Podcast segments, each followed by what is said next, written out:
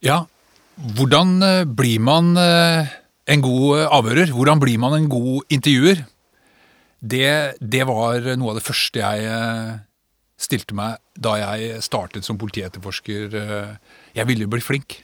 Jeg ville bli en av de beste. Jeg ville bli den som fikk de vanskeligste avhørene i de tyngste sakene. Men jeg var ung. Jeg hadde nettopp kommet fra Politihøgskolen. Og hvordan skulle jeg bli flink til å intervjue? Så jeg gikk til uh, eldstemann på avdelingen. For det var jo eldstemann som var anerkjent som den beste. Og så spurte jeg han det spørsmålet. Hvordan blir, man, uh, hvordan blir jeg en god uh, intervjuer, avhører? Så, så, sa han til meg det at du må, du, må, lære å se om slasken ljuger eller ikke. Og da tenkte jeg ja, ja, ja. Men det jo Det må jo men, men ganske raskt så måtte jeg jo følge opp med et spørsmål, men, men hvordan gjør man det? Da lente han seg tilbake i eh, kontorstolen, og erfaring var svaret. Og jeg tenkte shit, liksom, det, det hadde jeg jo ikke. Så jeg måtte jo skaffe meg erfaring da, for å bli flink. Uh, og jeg, jeg Eh, jeg ville jo bli flink, så jeg tok masse avhør, intervjuer, og jeg hadde egne skjemaer. Siktedes kroppsspråk, eget kroppsspråk, mulig forklaring. Altså, jeg, tok, jeg, jeg, jeg skrev egne skjemaer for hvert eneste avhør for å prøve å knekke koden. Uh, om hvordan jeg kunne trenge inn i hjernen og skille sannhet fra løgn. Uh, etter en tid så turte jeg å gå tilbake til vedkommende. Jeg hadde samlet noe erfaring. Uh, og jeg gikk banket på kontoret og sa at nå har jeg fått litt erfaring. jeg jeg, Kanskje jeg ser noen tegn, liksom, men, men jeg er ikke helt sikker uh, om, om, jeg, om, jeg, har forstått hvordan man skal gjøre, liksom, klare det. Knekke den koden. Og da lente han seg tilbake uh, i kontorstolen igjen og, og sa Enten så er man en menneskekjenner, eller så er man det ikke. Du hører på Dommerpodden. Du hører på Dommerpodden. Det du akkurat hørte der, var eh, Asbjørn Raklev. Velkommen til denne utgaven av eh, Dommerpodden. Mitt navn er Ragnar Lindefjell, jeg er dommer i Oslo tingrett. Historien Asbjørn fortalte, eh, relaterer seg til politiet, sånn helt konkret. Men Asbjørn har tatt doktorgrad på og forsket på avhørsmetodikk og den profesjonelle samtalen i en årrekke, en 20 års tid, er det omtrent sånn, Asbjørn? Ja takk. Eh, jo, det har vel egentlig blitt det nå. Tiden flyr. Eh, men det var eh, ca. rundt årtusenskiftet hvor norsk politi mer eller mindre ble tvunget til å ta et lite oppgjør med seg selv hva vi holdt på med når det gjaldt intervju- og avhørsteknikk. Ja. Så velkommen til Dommerpodden. Takk skal du ha. Um, det er um, dette temaet om hvordan vi skal gjennomføre gode samtaler. Det har du som nevnt jobba med lenge. Det er noe som vi eh, dommere jobber med hver eneste dag. Mm. Eh, kanskje av og til med litt vekslende hell. Og kanskje av og til kan man jo ha en følelse av at eh, den, vår, vår teoretiske bakgrunn på det feltet kanskje ikke helt svarer til viktigheten av det vi gjør i, i hverdagen i rettssalen. Mm. Så, og du har jo vært eh, foreleser og underviser for oss i domstolene tidligere, så mange av våre lyttere kjenner deg kanskje godt fra før. Mm. Eh, men den konkrete foranledningen til at vi sitter her, det, det, er en bok som du har skrevet uh, sammen med dine kolleger Geir Egil Løken og, og Svein Tore Bergestuen. Mm. Som heter Den profesjonelle samtalen. Den kom vel ut nå i fjor høst, gjør den ikke det? Jo, det stemmer. Så selv om du er kjent for eh, mange av oss og mange av våre lyttere, mm. eh, kanskje du vil bare helt kort si hva, hva, driver, hva driver, Asbjørn med om dagen eh, når han er ferdig med boka si? Ja, takk skal du ha. Nei, altså jeg er, jeg er jo politi eh, i bunn. Mm. Eh, jeg har vel eh, egentlig jobbet som etterforsker stort sett hele karrieren min, den operative karrieren da, som, som politi. Eh, så de første 10-15 årene eh, jobbet jeg som etterforsker, og så eh, kan vi si at de neste 10-15 årene har, har, jeg driftet mer og mer inn mot, mot metodeutvikling, og, faktisk, og, da snudd blikket tilbake på egen virksomhet og, og, og forsket på politiets etterforskningsmetoder. Så det er jo en stilling som jeg ja, fortsatt har, og, jobber med metodeutvikling. Jeg er mye lærer. I, eh, på Politihøgskolen, eh, for domstolsadministrasjonen rundt, rundt omkring, men også nå mer og mer internasjonalt. Eh, Det er jo slik at det var ikke bare norsk politi som, som har bruk for kunnskapsfunderte avhørsmetoder. Det, det har annet FN forstått at de aller fleste kollegene av meg rundt omkring i verden, de har så å si ingen opplæring i øh, intervju- eller avhørsmetodikk. Eh, Og øh, vi, øh, Norge, var tidlig ute med eh, å dedikere oss til en forskningsfundert eh, metodikk. Eh, men den eh, Ja. Så det er det jeg holder på med. Eh, egentlig kunnskapsformidling eh, og metodeutvikling. Så, og du har jo tatt doktorgrad på dette, og du har undervist nå lenge. Og, og, og nå i denne siste, da, er jo denne boken deres 'Profesjonelle samtalen'. Og denne tenkte vi skulle ha et uh, lite fokus på nå neste, neste halvtimen. Ja. Um, nå har jeg jo har hatt gleden av å lese den. Og i motsetning til en del tung juridisk faglitteratur, så skal jeg si at dette, for de som ikke kjenner til boken, er en eh, relativt kort og lettlest sak på kun ca. 250 sider. eh, Hvor, hvor man i håndboksform får en, en god bakgrunn for hvorfor det var nødvendig å utvikle nye metoder for profesjonelle samtaler, og hvordan metodikken ser ut. Og det tenkte jeg vi kunne gå litt inn i. Så er ikke det en unnskyldning for ikke lese boka, fordi det er, det er mye vi snakker om her som, eh, som ikke står i boka, og det er mye som står i boka som vi ikke får snakket om. Så, så dette er ingen erstatning, men et tillegg til for de av dere som måtte ønske å dykke videre i dette eh, ved en annen anledning. Men eh, Asbjørn, hva er det som på en måte skaper interessen for dette, for dette feltet hos deg? Hva er det som gjør at du tenker at her er det et eller annet som ikke helt fungerer? Du har vel hintet litt i den innledende historien din, men, men altså, hvor, hva, er som, hva er ditt, eh, Ja, ditt øyeblikk, ditt omvendelsesøyeblikk? ja eh, altså helt konkret så var det jo slik, eh, hvis vi spoler tiden tilbake da, Ja. til, eh, til eh, da norsk politi måtte endre seg. Og det, vi kommer ikke utenom Birgitte-saken, altså eh, Karmøy-saken, hvor, hvor jo Birgitte, eh, ung jente, ble drept rett utenfor sitt hjem. Og, og, og det oppstår et formidabelt press på politiet. Denne saken må oppklares. Um, men det var en vanskelig sak. Ingen umiddelbare spor, ingen vitner. Eh, Så saken for- forble jo uoppklart eh, i lang, lang tid. Du kan tenke deg å jobbe med én sak i over et år eh, uten å komme noen vei. Liksom. Da, da oppstår det et ikke ubetydelig psykologisk behov for å finne en løsning, komme til eh, eh, Så vi blir sårbare beslutningstakere. Og så var det jo eh, da en eh, Det formet seg en mistanke mot, eh, mot fetteren. Ikke noen konkrete bevis, men noen tidspunkter og litt sånn Ja, mistanken formet seg, så ble han jo pågrepet, siktet. Og så startet jo avhørene av fetteren time etter time, dag etter dag, uke etter uke, med det, det jeg kaller gammeldagse avhørsmetoder, da. Um, Hva, og hvis jeg bare kan Ja. litt, hva er de gamle, hva det som sær- særpreger de gammeldagse avhørsmetodene? Ja, når det gjelder avhør av mistenkt siktede, Ja. um, uh, så var det jo slik um, jeg kan, Lytterne dine snakker jo helt sikkert uh, åpenbart og garantert engelsk, så kanskje jeg kan få lov til å innlede Bruke innledningen som jeg bruker når jeg pr prater i FN eller andre steder. Ja. Der starter jeg alltid med å si at like most detectives around the world, I was taught to believe that once I got a suspect, it was my job to get him to confess. Vi hadde jo pågrepet vedkommende. Uh, Så de gammeldagse avhørsmetodene som mange av oss ble hva skal vi si, inn, oppdratt i, de handlet om hvordan man skulle få mistenkte til å tilstå. Hvordan vi skulle få en bekreftelse på mistanken vår. Nå var det jo ikke slik, heldigvis, så øh, jeg, tortur og, og, og direkte press osv. Uh, heldigvis hadde jo vår rettsstat øh, for lenge siden forlatt det, på iallfall et systemisk nivå. Eh, men øh, det er jo 60% av mine kolleger rundt omkring i verden de bruker fortsatt tortur som verktøy for å nå det målet.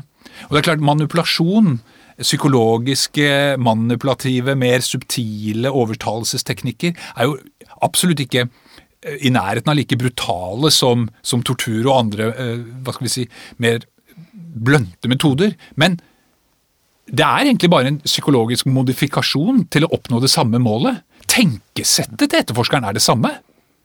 Nemlig å få den mistenkte til å, å tilstå, altså skaffe en bekreftelse. Og det er skummelt på, på, på mange måter. Um, Kanskje kan vi komme litt inn på beslutningspsykologi etterpå. Uh, men vi hadde altså en, en, en tenkning, metode, der vi jobbet etter å få bekreftet vår oppfatning av hvordan verden hang sammen. Ja, og der er du jo egentlig inne på beslutningspsykologien. ikke sant? Man, det som man kanskje kaller bekreftelsesskjevheten. som... Ja som jo ligger der som en sånn ganske tung vegg og dytter i en retning. Absolutt. Og det er kanskje er, er det det som Når jeg leser i boka di, så tenker jeg at det der er en av de sentrale liksom, fundamentene for hvorfor man må gjøre det annerledes. For å, for å, for å unngå f.eks. Eh, bekreftelsesfella typisk. Ja, og sikkert også mange andre ting. ja, jo, jo men, du, men, det har du helt rett i. Mm. Det er ingen tvil om at uh, beslutningspsykologi er et av de fagfeltene som vi har trukket mye veksler på i utviklingen av de nye forskningsfunderte intervjumetodene. Ingen tvil om det. Um, fordi det er jo slik at mennesket er skapt Eh, til å eh, søke etter bekreftelser på våre oppfatninger. Det skjer intuitivt, eh, ubevisst. Og Kahneman, som jo har vunnet Nobelsprisen for sin forskning på menneskers beslutningstaking, han deler jo ikke sant, inn eh, systemene våre eh, inn i system 1 og system 2, eh, hvor system 1 forsøker å hjelpe oss hele tiden med å komme til raske beslutninger og, og, og skape orden og, og forståelse. Problemet er at disse forenklingsstrategiene, eller bekreftelsesfellene, de, de, de, hjelper oss i vår sosiale hverdag. Vi er helt avhengig av dem. Uten, uten disse ubevisste mekanismene så ville vi kunne, ikke kunne fungere som mennesker. Men utfordringen er at når vi trer inn i en profesjonell rolle, der kravet eh, i visse tilfeller, og definitivt i vårt, både i politiet og domstolene, så har vi jo eh, det normative idealet om objektivitet. Det er kravet som vi skal forsøke å strekke oss etter. Ja, da volder disse forenklingsstrategiene, de ubevisste kognitive forenklingsstrategiene oss utfordringer. Derfor så må vi koble inn system 2. Vi må ha metodikk. Det hjelper ikke å bare anerkjenne at ja, eh, nå har jeg lest om bekreftelsesfellene og er klar over de, så kan vi begynne. Eh, ja, det er en god start å erkjenne at man er sårbar for eh, for eh, at man er et menneske med disse egenskapene. Men så, for at vi skal forebygge de uheldige effektene av dem, så er vi nødt til å ha metodikk og systemer som tvinger oss til å tenke alternativt. Nettopp. Og det er vel da sånn at de eh, forholdene som stimulerte eh, de intuitive og enkle beslutningene, fungerer sikkert kjempegodt på savannen. Ikke sant? Når man eh, er ute etter sitt neste måltid og unngår å bli spist av en nærmeste løve. Litt større utfordringer når man skal forsøke å skape orden i det kaoset som en svær etterforskning i en tidlig fase kan være. Eller det å forsøke å få en forklaring som gir mening mm. ut fra en tiltalt i en straffesak eller parter i en i en sivilsak, hva det måtte være. Da må man jo trekke på system 2, hvis ja. man skal holde oss til, til Kahneman, mm. og, og, og, bruke vesentlig mer eh, kognitiv energi da, og, ja. og, systematikk på, på, å få noe frem. Og det er jo nettopp det som uh, dere gjør da i bokas mm. del to her. Mm. Og, kan ikke du fortelle, dere, dere, har utviklet en metode uh, som dere kaller for kreativ. Mm. Uh, fortell litt om den. Ja, takk skal du ha. altså metodens opphav, da må vi gå 30 år tilbake til eh, England, hvor britisk politi og det britiske rettssystemet opplevde flere rettsskandaler på rad.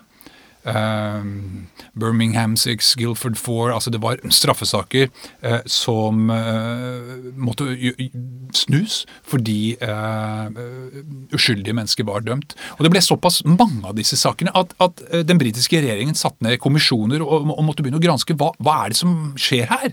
Og dommerne sa ja, men de hadde jo tilstått. Og så måtte man jo da gå inn og, og, og se på politiavhørene. Hvorfor tilsto de? Eh, og da ble det for første gang eh, satt ned eh, forskning og granskning på politiets avhørsmetoder. Og da oppdaget forskerne at politiet hadde ingen metodikk. De hadde ingen opplæring i avhørsmetodikk. Til tross for at det var, er og for alltid kommer til å være vårt viktigste redskap for innsamling av informasjon. Altså vår viktigste etterforskningsmetode er politiavhøret. Eh, Og til tross for dette så hadde vi ingen opplæring. Altså, vi har veldig mye opplæring i eh, å kjøre fort med bil og sirener, og, og ikke minst våpenhåndtering. og ja, Marsjering hadde vi jo mye av før, ikke så mye nå heldigvis. Men, men alt dette det var liksom anerkjent som ferdigheter. Men, men det å snakke med mennesker, det å avhøre, intervjue mennesker, det, det, det Du har jo en munn og, og, og to ører, og forhåpentligvis noe, noe imellom, så da kan du vel snakke med mennesker? Eh, Ja, det kan du nok, sier forskerne. Men hvis du skal gjøre det på en profesjonell måte, så trenger du opplæring og metodikk. Dette er jo eh, Det resonnerer jo greit for eh, en som har studert juss også, dette her. Vi lærer jo ganske mye om materiell juss. Og vi lærer ganske mye om juridisk metode. Ja. Men vi lærer jo fint lite eh, av de ferdighetene som trengs for å jobbe med et stort faktum, og klarlegge et faktum. Og mm, det fører nok også til en ganske stor skjevhet i hvordan vi arbeider. Klart når du Som fersk dommer så har vi jo eh, eminent undervisning på, over et par dager om bl.a. vitnepsykologi og, og vitneavhør, og, og det er jo veldig bra.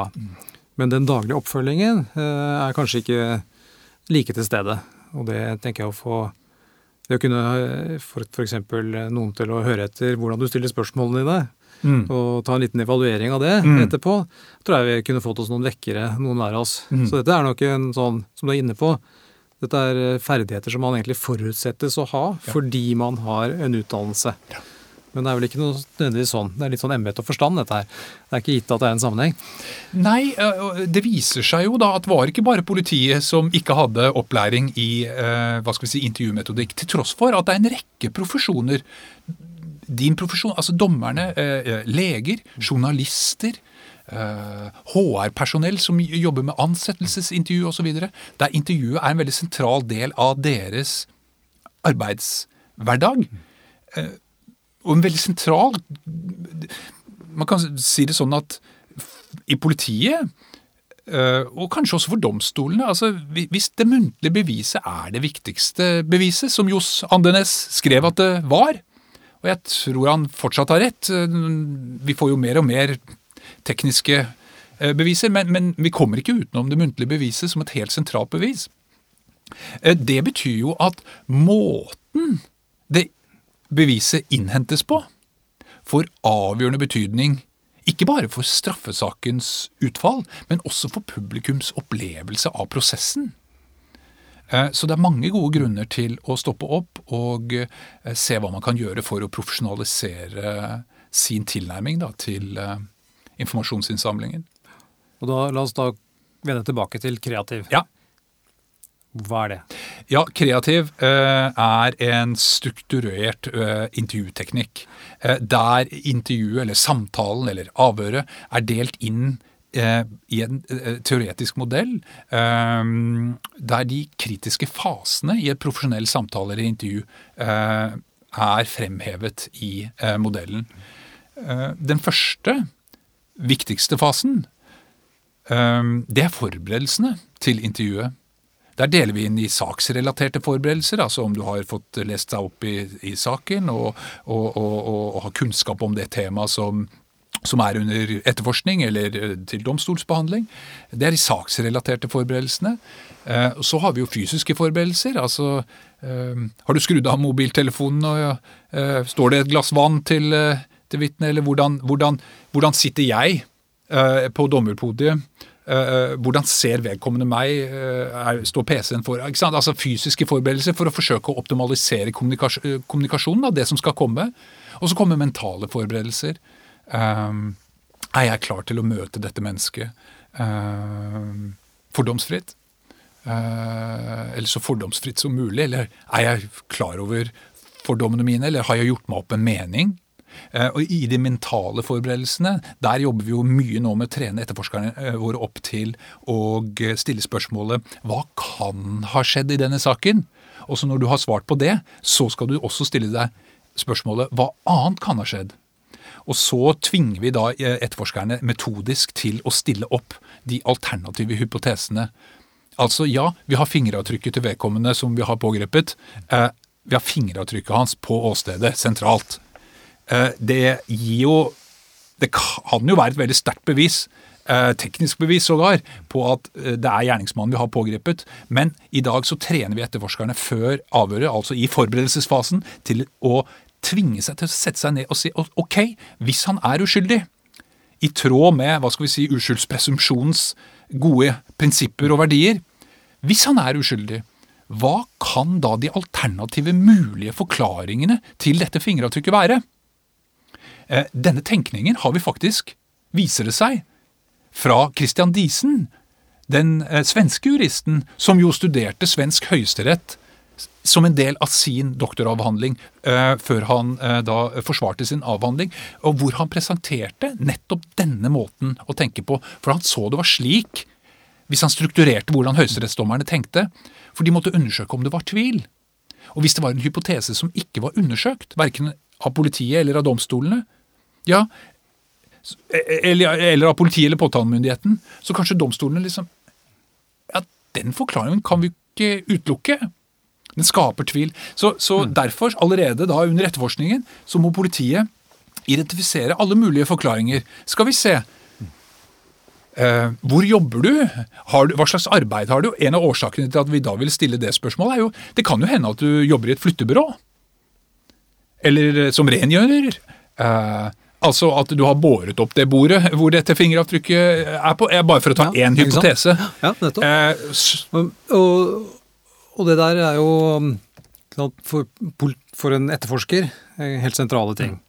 Um, jeg og våre lyttere vi, vi, kommer hit på et senere stadie av saken, typisk. Ja. ikke sant? Og, og, dette med forberedelser, uh, og hvis vi holder oss til straffesakene, startet en gjengse straffesak i den gjengse tingrett. Uh, får jeg snakke for meg sjøl, men jeg tror mm. dette er nokså gjengs.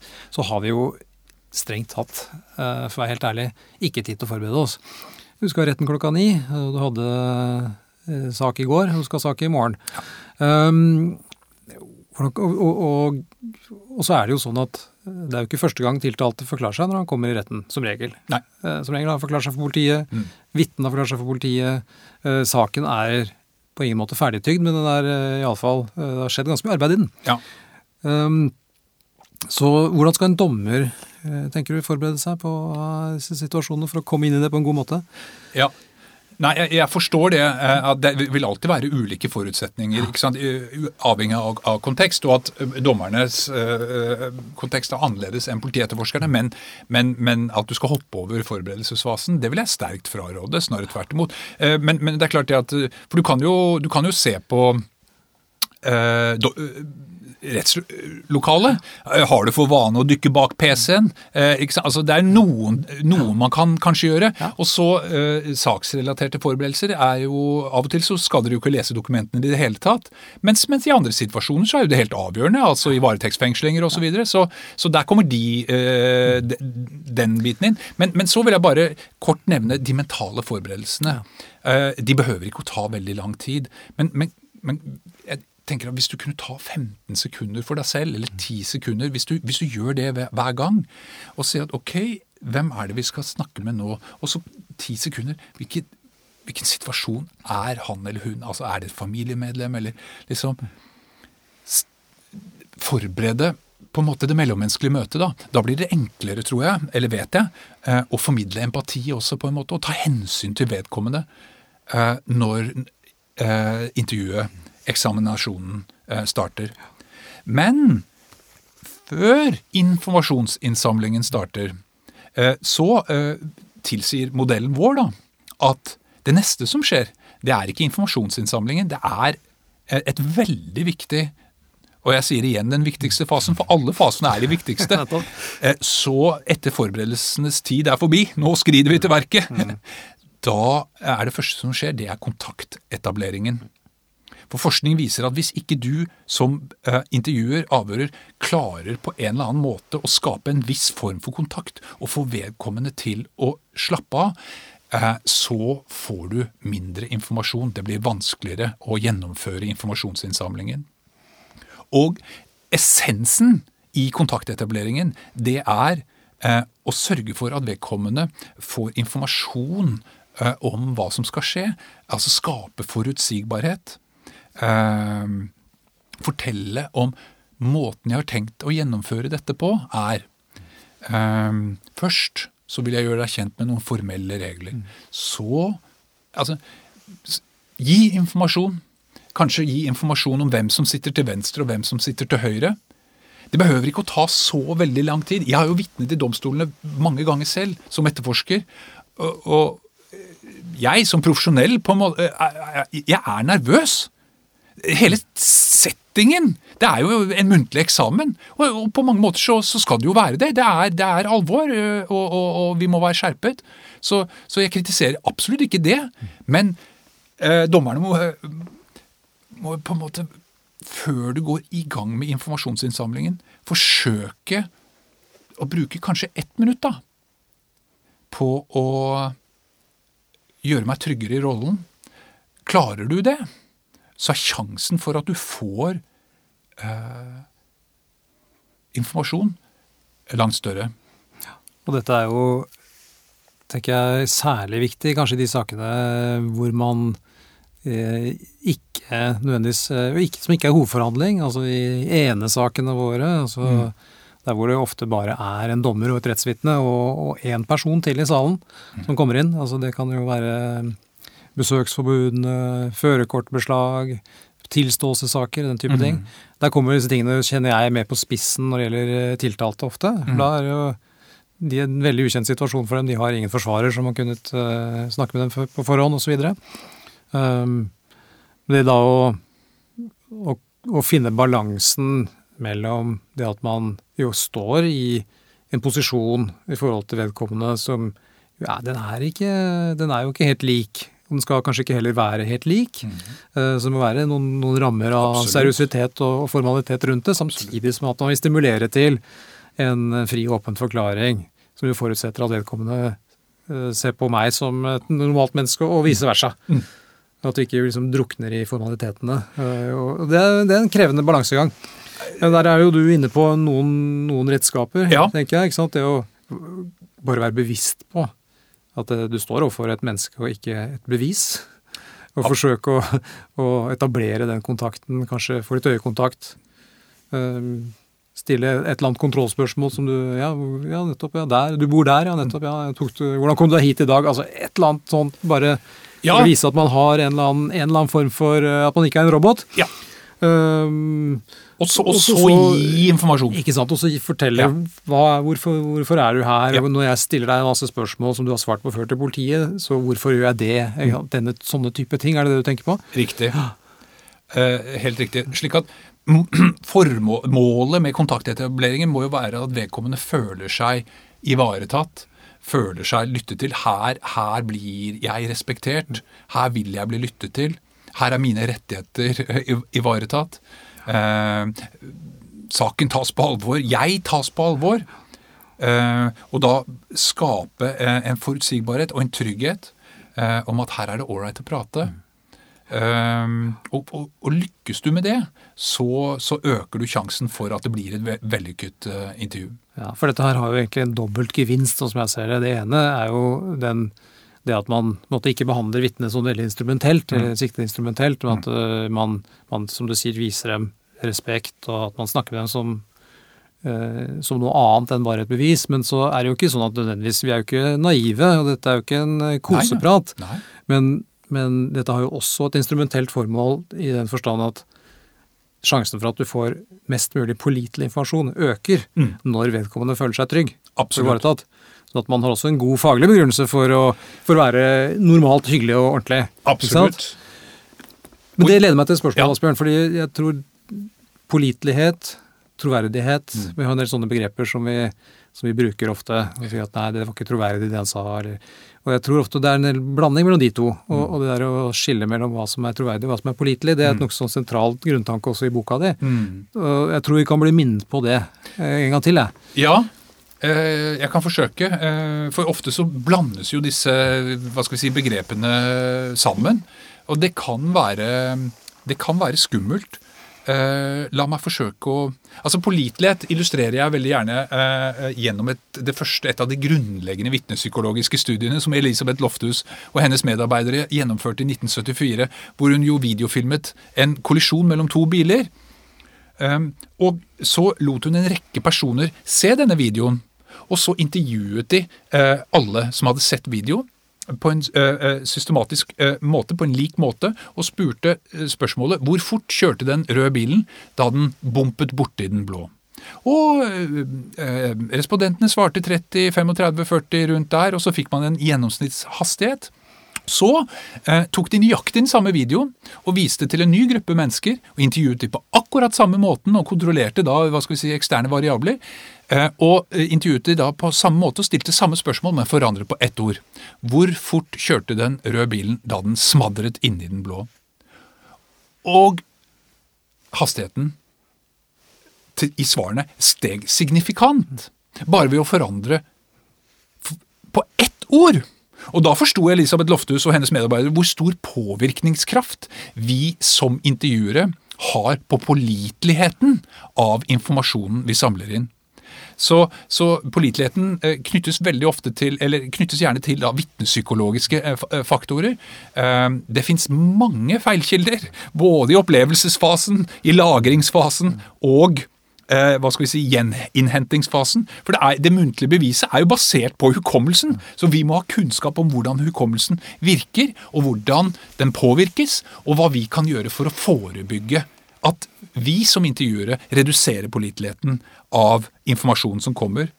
Eh, Når det gjelder troverdighet, eh, så tenker vi raskere over mot sannhet og løgn.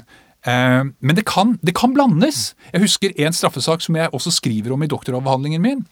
Der den fornærmede kvinnen i en meget alvorlig overfallsvoldtektssak jo hadde plukket ut tiltalte to ganger sågar i politiets vitnekonfrontasjoner. Eh, Disse var dessverre eh, ikke eh, gjennomført eh, i henhold til dagens standard.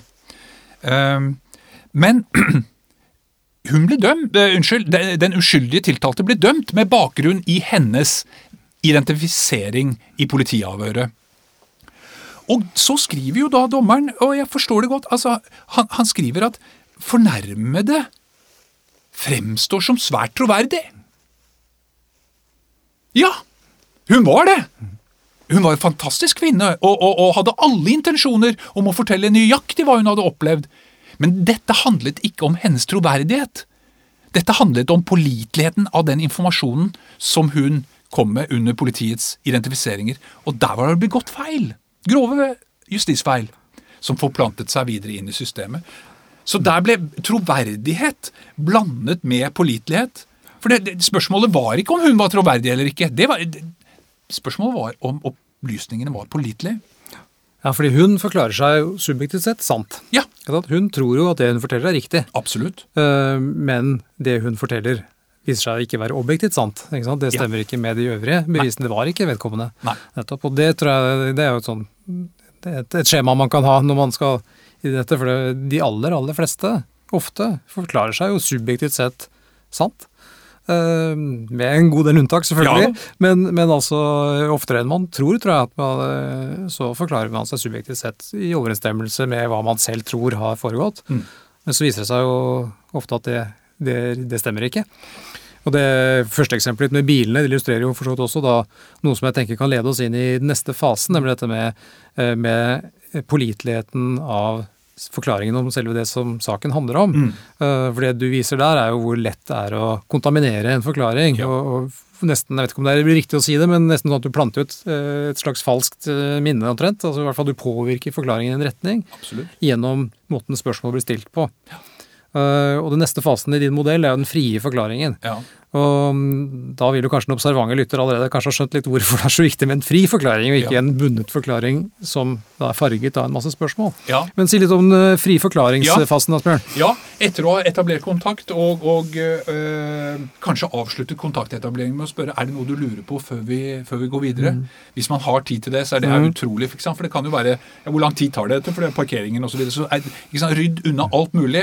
øh, eller øh, skriv i pressen. Eller, det kan være en sånn men når kontaktetableringen er, er over, så øh, tilsier både hva skal vi si, øh, straffeprosessuelle øh, og, og vitnepsykologiske hensyn tilsier jo at nå skal vedkommende få en anledning til å fortelle sin versjon av saken.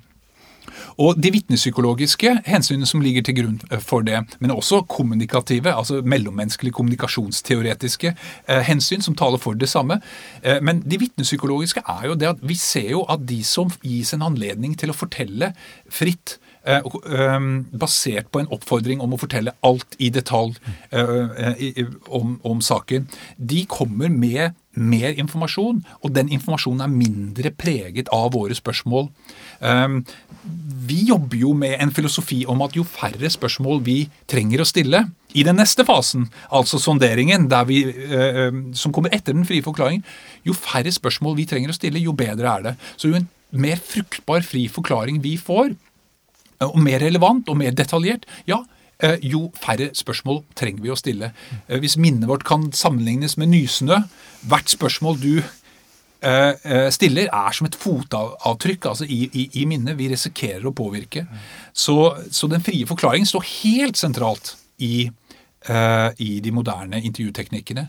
Og det, man kan bli møtt, både av journalister og av politietterforskere og dommere, nemlig at, at, at 'jeg har ikke tid'. Ikke sant? Altså at Nei, vi har jo ikke- vi har jo ikke det. Nei, vi må gå rett Nei. på sak, Ja, liksom. ja. Men ok, men da må du, da må du for, i forberedelsesfasen din, faktisk, Mm. Eh, eh, ha tenkt ut hvordan kan du introdusere og oppfordre til en relevant fri forklaring om akkurat det vi eh, trenger å vite. Så Ofte så kommer man bare til den fasen i intervjuet, og så skal man prøve å finne på en introduksjon. da. Og så blir den mer eller mindre god, og så blir den kanskje ikke helt god, og så blir den kanskje ikke relevant, og så må vi avbryte. eller... Men så Det er derfor jeg kommer tilbake til forberedelser. altså at Hvordan har du tenkt til å introdusere den frie forklaringen? Det, det lønner seg å ha tanker om på forhånd. Vi, i, i, dette er- stiller seg litt annerledes i eh, våre saker, i straffesakene. Så vil jo tiltalen vil være en god rammesetting av hva forklaringen skal handle om. ikke sant? Og, og den vil jo være avgitt forklaring tidligere, stort sett. I de sivile sakene så har vi jo ikke noe tilsvarende forklaring fra partene tidligere. Det er ikke tatt opp noe. Vi, vi har selvfølgelig ofte en kan ha en indikasjon fra advokaten har skrevet.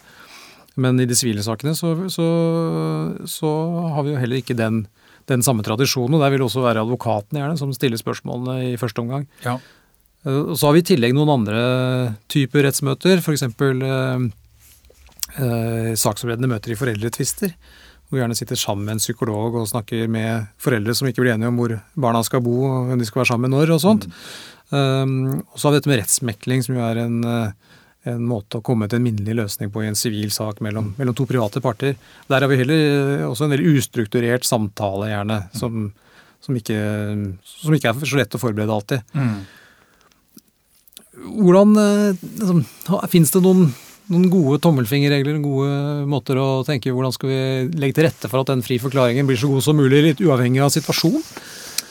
Ja, nei, altså øhm, jeg, jeg føler meg rimelig sikker på at, at, at den samme metodikken det, og fremgangsmåten, at de kritiske fasene i den, den settingen som du beskriver der, eh, har de samme komponentene. Du, du bør forberede, du må etablere kontakt. Og så, eh, hvordan introdusere den frie forklaringen. Vel, kanskje på en måte som at jeg jeg vet ingenting. Jeg vet veldig lite om hva som har skjedd, men jeg vil nå lytte til hva du mener at jeg må vite. For jeg, jeg, jeg skal treffe en avgjørelse i denne saken. Og da er jeg helt avhengig av å, å, å, å kjenne til de viktige detaljene. Uh, så jeg må be deg, og jeg skal lytte. Vi, vi, eh, et viktig grep kan være også å informere om at vi har god tid. Altså, alt er relativt. Hva hvis man ikke har god tid? Kan det være nyttig å si at vi, har, vi har, en halvtime til dette? Er det, vil det Jo, være begrensende? Eller vil Ja, det men, være, men altså En fri forklaring på ti minutter Ja, Får du sagt mye da? det, Hvis du får til det, Ja. så er du jo kommet veldig langt i din profesjonalisering av din intervjuteknikk. Fordi det, det, det som gjerne skjer hvis man ikke klarer dette, og ikke eh, eh, får til metodikken Det som typisk skjer, er at det er spørsmål-svar, spørsmål-svar, ping-pong, ping- ping-pong-intervju, da, som jeg kaller det. Men ti, hvis du klarer å få en av partene til å gi en fem minutters fri, sammenhengende, relevant forklaring, så kan du jo stryke masse spørsmål som du har på blokken. Som vi har som regel god tid. Jeg ble intervjuet på Dagsrevyen for ikke så altfor lenge siden av Ingvild Bryn. Og der er det press og, og, og, og tre minutter. Det siste hun sa før vi satte oss ned i stolen, så sa hun Asbjørn, vi har god tid. Tre minutter er lang tid på Dagsrevyen. Ja, nå ble, nå ble jeg beroliget. Eh, Men poenget fordi- er at fri Men forklaring En fri forklaring trenger ikke være en lang forklaring. Ikke sant? Men Det- den tar ikke Nei. lengre tid eh, eh, hvis den er relevant, og vedkommende eh, slapper av og, og, og gis en anledning og blir hørt. Så øker sjansen for at vi kan bare stryke de spørsmålene som vi har på blokka. Eh, Så det er en misforståelse av at det er, tar lengre tid. Snarere tvert imot. Eh, Men det krever eh, trening. Ja, nei, det, det hender jo fra tid til annen at, uh, at jeg føler at eh, det har vært en vellykket rammesetting mm. av, av det avhøret, og så får man en eh, forklaring, og da ble det ikke så mange spørsmål etterpå. Nei. Og det, ja, det er gøy når det funker, det er ikke alltid det funker. Nei. Ofte så kan det oppleves sånn at jo større grad av måte, emosjonell temperatur, jo lettere er det for folk å forsvinne ut. Uh, Men det vil typisk kanskje sjelden være straffesakene, som jeg opplever det. Ofte de sakene nevnte i sted med med um, sinna foreldre og krenkede parter i, i sivile tvister. Um, da kan det jo også være en krevende øvelse å hanke dem tilbake. Apropos hanke tilbake. Um, eh, uansett hvor flinke vi er til å gjennomføre en fri forklaring, så vil antagelig vi, eller eh, noen av de andre som er til stede, da, ha behov for noe oppklarende spørsmål. Det er jo ikke alltid, f.eks. i straffesakene, at tiltalte er så opptatt av å snakke om det som faktisk eh, setter ting på spill. Eh, og da kommer vi i neste fase, og den kaller du for sonderingsfasen. Ja. Det er da vi begynner å måte stille konkrete spørsmål, er det ikke det? Jo. Ja. Eh, Fordi eh, I den frie forklaringen så, så, så stiller vi egentlig ikke noe spørsmål. Det er egentlig en oppfordring Ja. eh, til å fortelle eh, alt du mener er relevant. Eh, men helt, helt riktig, eh, selv om formålet er å stille så få spørsmål, så kommer iallfall har jeg aldri opplevd et eh, avhør hvor jeg ikke har noen spørsmål etter den frie forklaringen. Eh, Eh, man kan jo ha det som normativt mål. Uh, The aim is the questionless interview, eh, faktisk. Eh, men, eh, men ja, det blir spørsmål. Og da, da, kom, da, da, reiser jo de faglige spørsmålene seg. Hva slags type spørsmål skal vi stille? Eh, i, eh, I hvilken rekkefølge skal vi stille dem? Hvilke type spørsmål skal vi ikke stille? Eh, og det er klart at det er jo detaljer som vi går inn i. og eh, eh, Da deler vi inn i ulike former for spørsmål. Eh, forskerne har undersøkt hva eh, typiske feil, fallgruver Um, og uh, det er jo nå allment kjent at vi skal stille så åpne spørsmål som overhodet mulig. Ok, uh, hva er åpne spørsmål? Um, og det er greit i teorien, men klarer du å sette det ut i praksis? Kanskje kan man gjøre som noen etterforskere har gjort, i, i, i, i, tidligere deler av karrieren, at de setter ned de åpne spørsmålene i underteksten i dokumentene, sånn at de kan titte ned. For det fins alltid et spørsmål, et åpent spørsmål til det vi lurer, lurer på. Um, så, så, så, så, ja, så åpent som mulig. Starte egentlig på samme måte som ved fri forklaring. Det er de samme teknikkene som gjelder i sonderingsfasen som i fri forklaringsfasen, men nå om et konkret, mer spisset tema. Du nevnte uh, et uh, møte og så forstår du at dette har avgjørende betydning for denne saken. Eh, nå vil jeg at du skal fortelle alt om det møtet. Eh, ta, ikke sant? Og, så, og så, så begynner vi da den åpne trakten igjen og øh, jobber med de samme teknikkene med aktiv lytting osv., men nå med et spisset tema. Men så kommer vi til et punkt hvor, hvor vi kanskje må øh, ut- utdype hvem var til stede. Hvor skjedde det? Og så videre. Så man da kan man bruke disse W, fem WH-spørsmålene eh, for å følge opp og sondere. Så hender det også at vi må helt ned i pålitelighetshierarkiet av spørsmål. at- at vi, eh, altså det, det finnes noe som heter hva skal vi si, eh, på engelsk 'appropriate closed questions'. Altså hensiktsmessige lukkede spørsmål. Um, noen er jo som såpestykker. Du kan stille så åpne spørsmål du, du vil, men, men de svarer ikke på øh, ikke sant? Jeg har spurt tre ganger nå hvor du var fredag kveld, hva du gjorde, og så kommer det en historie ut. Da, da, til syvende og sist så må det være da øh, anledning til selvfølgelig å gå ned i eh, eh, pålitelighetshierarkiet. F.eks. stille et alternativgivende spørsmål. Forlot du hjemmet ditt, eller gjorde du det ikke? Liksom? Men, men da skal du ha prøvd å få det, det åpne først. Men selvfølgelig å, å stille alternativgivende spørsmål, som jo er et ganske kan være kraftfullt ledende spørsmål, må vi jo være kjempeforsiktige med dersom vi står overfor eh, et, et, et barn eller, eller, eller et et menneske med andre sårbare kognitive eh, Det kan være livsfarlig. Eh, så, så, så vi må gjøre det vi kan for å unngå, men, det, men av og til så må vi eh, eh, gå ned i eh, Og hensiktsmessig lukkede spørsmål kan også være oppsummeringer. Har jeg forstått det riktig nå? At du ikke forlot hjemmet ditt. Eh, du så på Dagsrevyen, og så gikk du og la deg. Ja, Bare for å plukke opp et par av de Ja. tingene du nevnte, altså dette med pålitelighetshierarkiet, Ja. det, hvis jeg har forstått det riktig, så handler det om at de mest pålitelige opplysningene de får du ved den frie forklaring. Ja. Og så har du et lag til, eh, hvor de nest mest pålitelige opplysningene det får du typisk ved sonderingsspørsmål Ja. av typen eh, som du nevnte 5HN, Ja. gjør du ikke det? Jo. Og det, det er vel da disse spørsmålene som eh, er spørreordene våre, som starter med HV. Hva, Mm. Ja. hvem, hvor, hvilke, og når, kanskje, selv om det ikke starter med H. Men altså, Hvordan. Hvordan, ikke sant? Um, og det er nivå to. Mm. De, de er på en måte neste an, først, andre linja i, i dette her. Og så Mm. er det de minst eh, pålitelige svarene får du ut av de helt lukkede spørsmålene som du vel Altså, var du der, eller var du der ikke? Altså, ja, og i verste fall ledende. I verste fall ledende, Ja, ikke sant? Og, Absolutt. så har du også et eksempel i boka di som jeg, som jeg kjente meg igjen i, en felle jeg går i veldig ofte, eh, og de stiller spørsmål på følgende måte. Eh, Kan du huske noe om hvor du var den 5. februar Ja. klokken seks? Hva, hva er det som er galt med det? Ja, altså Det er passifiserende. Aha, og hva betyr det? Eh, kan du huske det? Nei, jeg kan ikke det. Eller du husker vel ikke hva som skjedde videre? Altså, Det, det kan legge empati der, for at du som dommer forstår at dette er ikke lett å huske, det er tid tilbake. Og, så og så vil man på en måte vise en slags empati overfor den som står der. at Kan du huske? Det er greit hvis du ikke liksom kan vi kaller det passifiserende eller, eller negativt ladede spørsmål. Du husker vel ikke hva som skjedde videre. Eh, og, og, og det som skjer, det er at det er veldig enkelt for øh, kanskje det enkleste, øh, bevisst eller ubevisst, å si at nei, det husker jeg ikke. Istedenfor å bare spørre hva skjedde videre?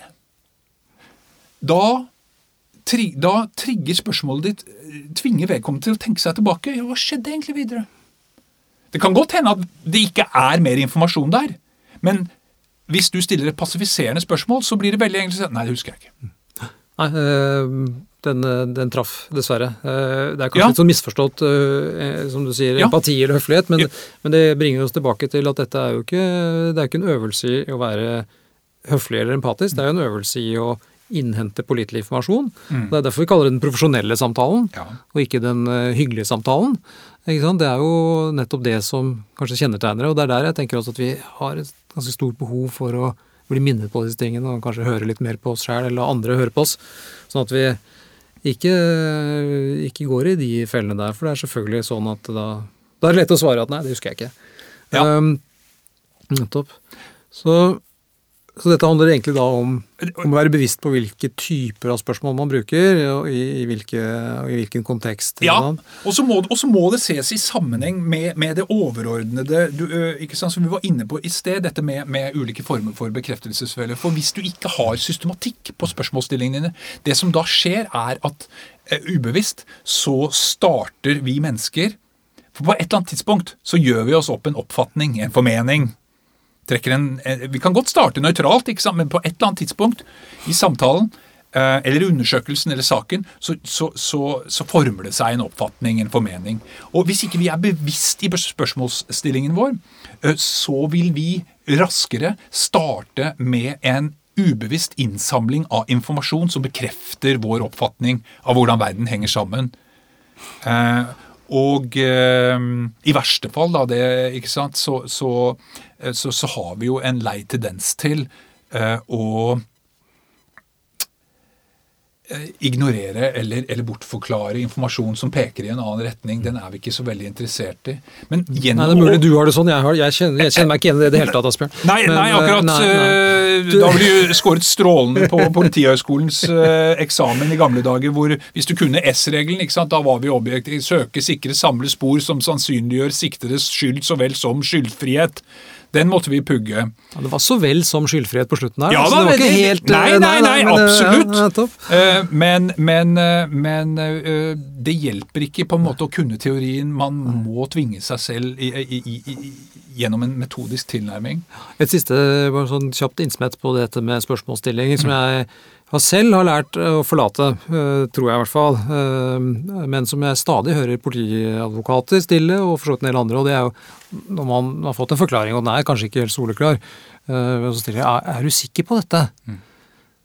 Og da svarer de jo ofte ja, er helt sikker på det. Ikke sant? Eh, hva er det som er galt med det spørsmålet?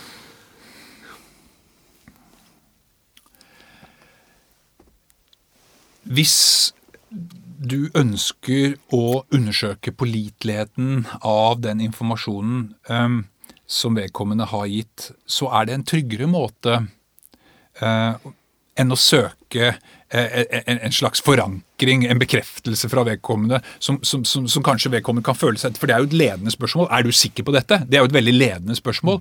Uh, og så vil man jo tilfredsstille dommeren eller uh, framstå som en, uh, sant, flink, et flinkt vitne. Men dersom du forstår at nå må vi undersøke om hvor pålitelig denne informasjonen er, så har vi eh, huskelister for våre etterforskere om hvordan de skal søke etter f.eks. en vitneobservasjon. La oss ta det.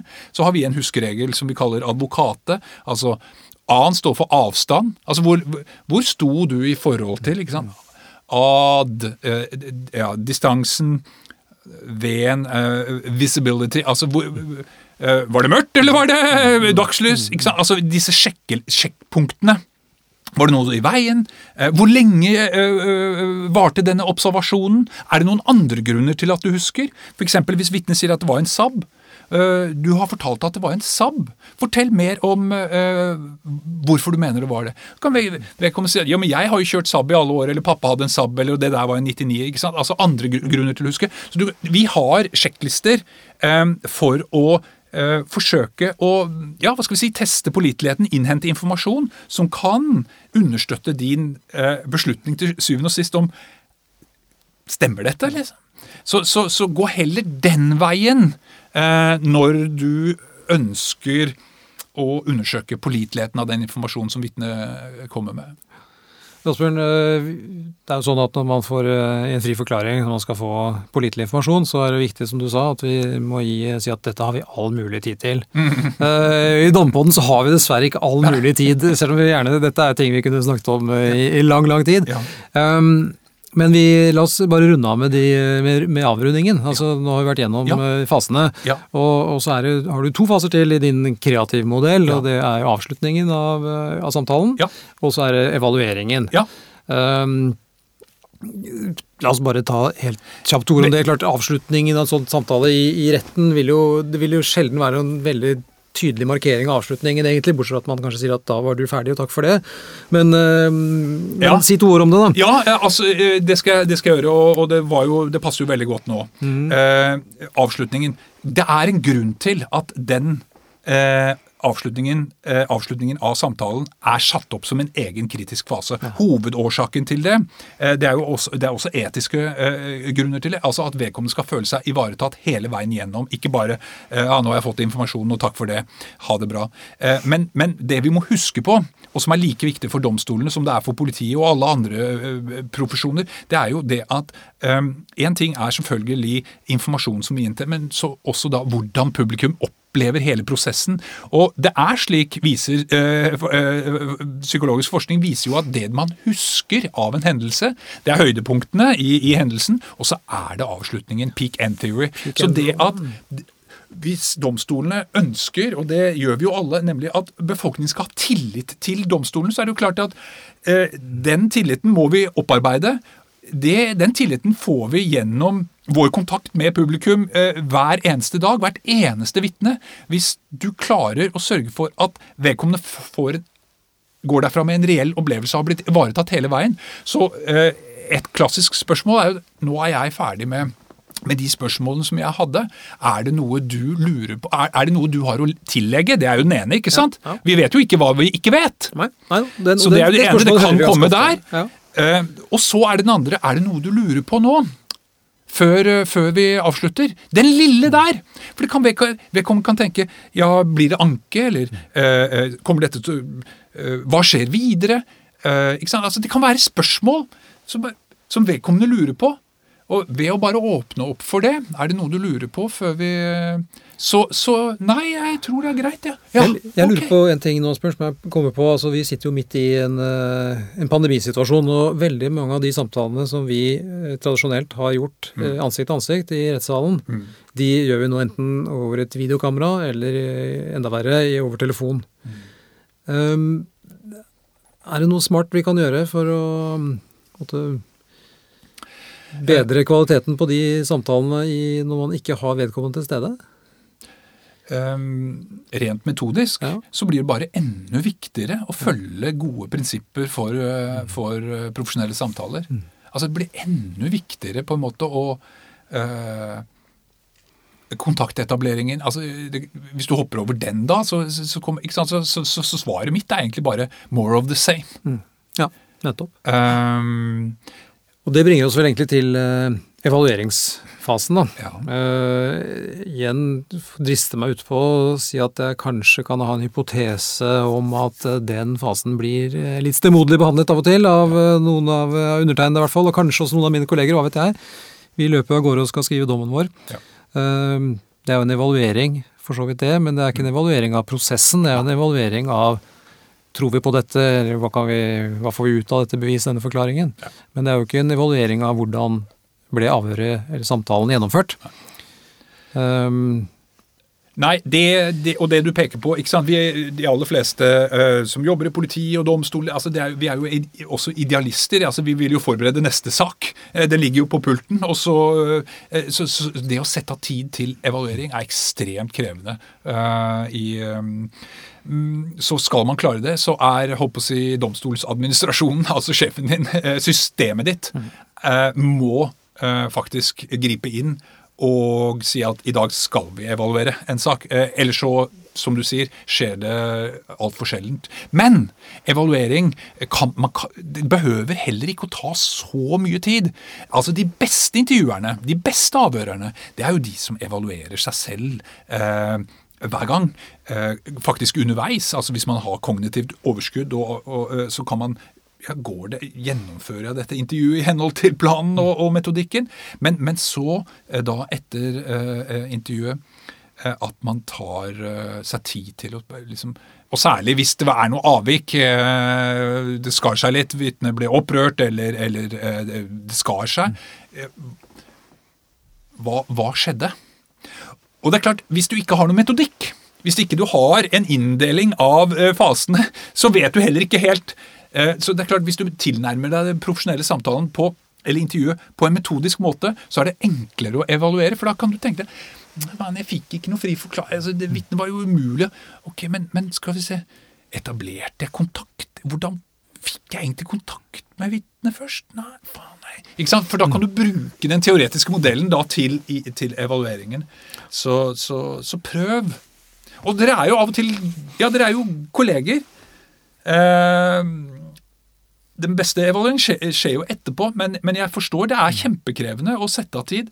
Men, men det går an å jobbe med det også selv. Og det er klart, skal man bli flinkere og bli en profesjonell intervjuer på øverste nivå, altså bli kjempeflink Bli så, sant, vi kaller jo, Hvem er det vi kaller proffer? Det er jo fotballspillere. ikke sant, altså, Han er proff. Eh, personlig heier jeg på Liverpool. ikke sant, eh, verdens beste lag. Og, og, og, og, eh, de kan ha spilt en fantastisk kamp, og, så er det intervju med treneren eller kapteinen etterpå. Uh, Klopp, ikke sant. Hvordan uh, Fantastisk, 3-1, og dere er videre, og så videre. Så, så, så, så, hører du på intervjuet well, was, Midtbanen fungerte veldig godt i første omgang, og vingene kom opp, men i annen omgang så ble vi presset bakover sånn og sånn, da måtte vi gjøre De er jo inne og evaluerer med én en eneste gang, ikke sant. Og så går de og ser på kampen på video etterpå, analyserer osv. De har tid til det. Men, men, men, det er klart Det er det de gjør. Um, med lydopptak av dom, uh, rettsforhandlingene så ligger det jo en mulighet, hvis systemet uh, tvinger oss til av og til å sette uh, oss skikkelig ned og evaluere, og høre på seg selv. Det kan jo være en god oppfordring til oss. En av grunnene til at jeg um, bet meg merke i eh, boka di, fordi at jeg liker veldig godt det ordet profesjonell. Og, og, det er vel egentlig det, vi, det som er den røde tråden i, i, i, dette. At vi må gå fra en samtale litt etter innfallsmetoden og basert mm. på hva vi kanskje kan ha plukket opp av en eh, tidligere kollega her og der, og over mm. til noe som faktisk er profesjonelt. Vi mm. skal selvfølgelig være profesjonelle i alle ledd, og dette her er et ekstremt viktig del av den yrkesutøvelsen vi driver med. Så takk for bidraget til det i boka di, Asbjørn, og for bidraget i denne samtalen. Eh, vi får evaluere eh, etterpå hvordan dette har gått. Men, eh, men for nå så tror jeg vi sier tusen takk for din tid. Takk skal du ha. Jeg har følt meg absolutt lyttet til. Og bare avslutte da ikke sant, med, med, med Og det er jo egentlig en anerkjennelse av faget vårt. Altså det å bli en profesjonell intervjuer avhører, det er å opparbeide seg en dypere forståelse av livets mest komplekse hendelse, nemlig et møte med et annet menneske ansikt til ansikt. Det er ikke lett. Det tror jeg vi kan være enige om. Takk for det, Asbjørn. Du har nå hørt på nok en episode av Dommerpodden, denne gangen om den profesjonelle samtalen med Asbjørn Rachlew. Jeg heter Ragnar Lindefjell, jeg er dommer i Oslo tingrett, og denne episoden er som alle andre episoder laget i samarbeid med mine gode kolleger Ola Berg Lande og Runa Nordahl Hereid. Takk for at du hører på, og på gjenhør. Du har hørt på Dommepodden. Dommepodden er en podkast fra Norges domstoler, og er først og fremst ment som et kompetansetiltak for dommere. Hvis du har ris, ros, forslag til temaer eller folk vi kan prate med, så er vi glad for å høre fra deg, og da kan vi nås på podkast at domstol.no. Ha en god dømmende hverdag så lenge. Vi høres.